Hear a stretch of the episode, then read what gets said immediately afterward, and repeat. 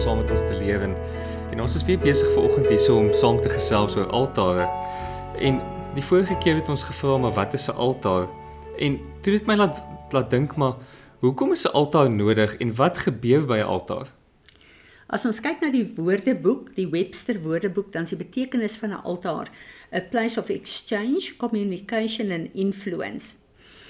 En as ons daarna kyk, dan kyk ons na die Bybel waar die Here, ons het in die vorige uh, sessie daaroor gepraat, gesê het hy soek 'n plek van kontak, 'n kontakpunt uh, om um, met ons kontak te maak op aarde.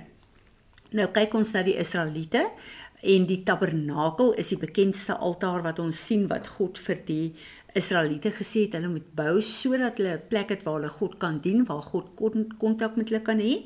Dan kyk ons na die tabernakel, is daar drie verskillende al altare, nie net een nie. Die een is die altaar, the altar of incense. En die ander ene is die burnt offering altaar. En die ander ene is the, the altar of shewbread.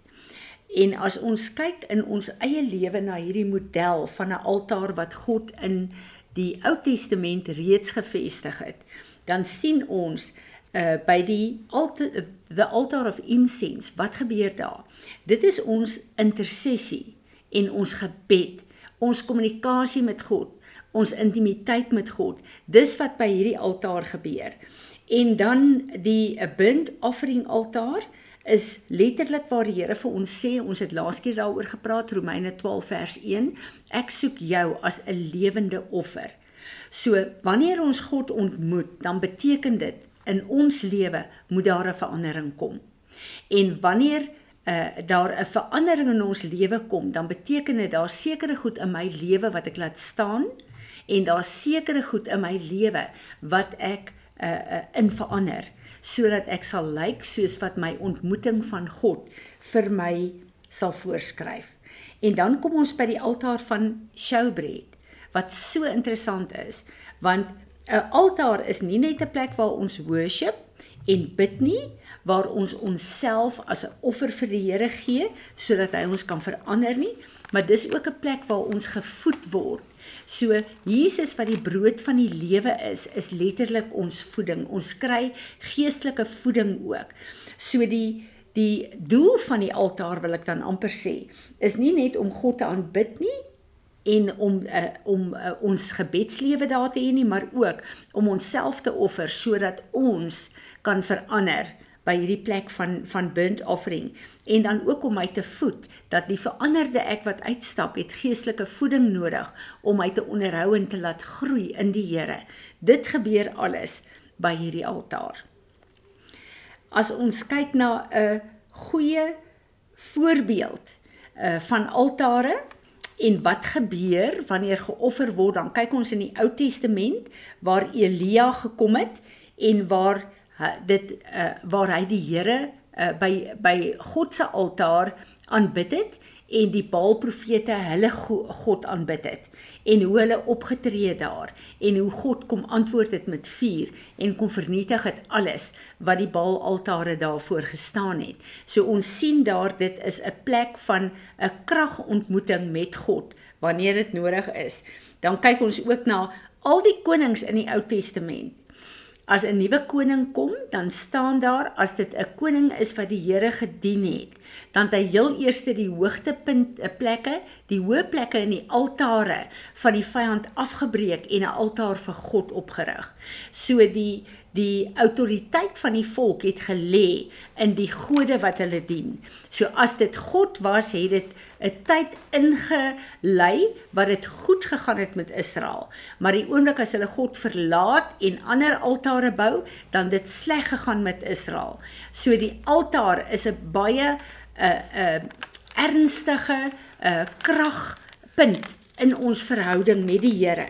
En ons kyk ook na na Gideon wat ook 'n goeie 'n uh, voorbeeld is waar God vir Gideon geroep het nadat die Midianiete vir jare lank hulle beroof het en hulle verarm het en hulle doodgemaak het, het uh, God na Gideon toe gekom en Gideon het uh, omdat hy Gideon wou gebruik het as 'n rigter, maar God het heel eers vir Gideon gesê: "Gideon, gaan jy na jou pa se huis en gaan breek die altaar af van jou pa se huis. Dit wil sê die God wat julle dien in julle uh, uh, familie. Breek af daai altaar en dan kan jy kom want ek wil jou gebruik om 'n rigter te wees om bevryding vir my uh volk te kry.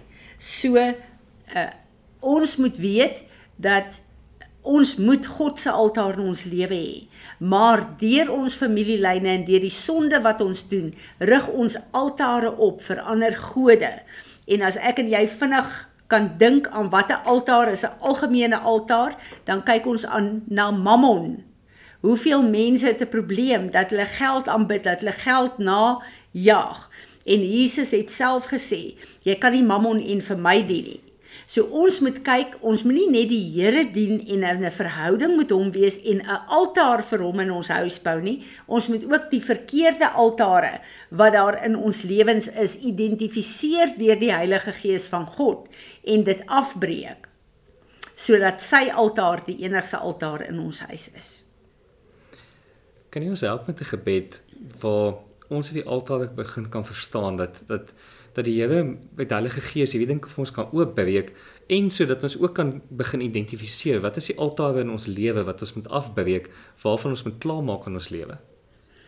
Vader, ek wil vandag bid dat ek en elke persoon wat hier luister, dat U deur U Heilige Gees vir ons sal begin wys wat is die verkeerde altare. Dit wat ons hoor as U ag en meer tyd aan spandeer in ons lewe. Kom wys U vir ons, Here, want ons self sien hierdie goed nie raak nie. En dan wil ek vra dat U vir ons sal help, Here, as ons vir U vergifnis vra vir die verkeerde altare en die afgodsdiens wat ons bedryf daarmee, dat U ons sal vergewe en dat U die altare in die gees sal kom verbrand met U vuur en leer ons Heilige Gees soos wat die disippels gevra het leer ons hoe om te bid leer ons hoe om 'n altaar vir u in ons eie lewe en in ons gesinne te vestig wat 'n krag ontmoetingsplek met u sal wees sodat u naam daardeur verheerlik sal word en dat mense na ons sal kyk en weet ons dien die Skepper God van die hemel en aarde Here Jesus, ons gee vir U die eer daarvoor want U het die volmaakte offer geword op die altaar van die kruis van Golgotha sodat ons vry kan wees. Amen.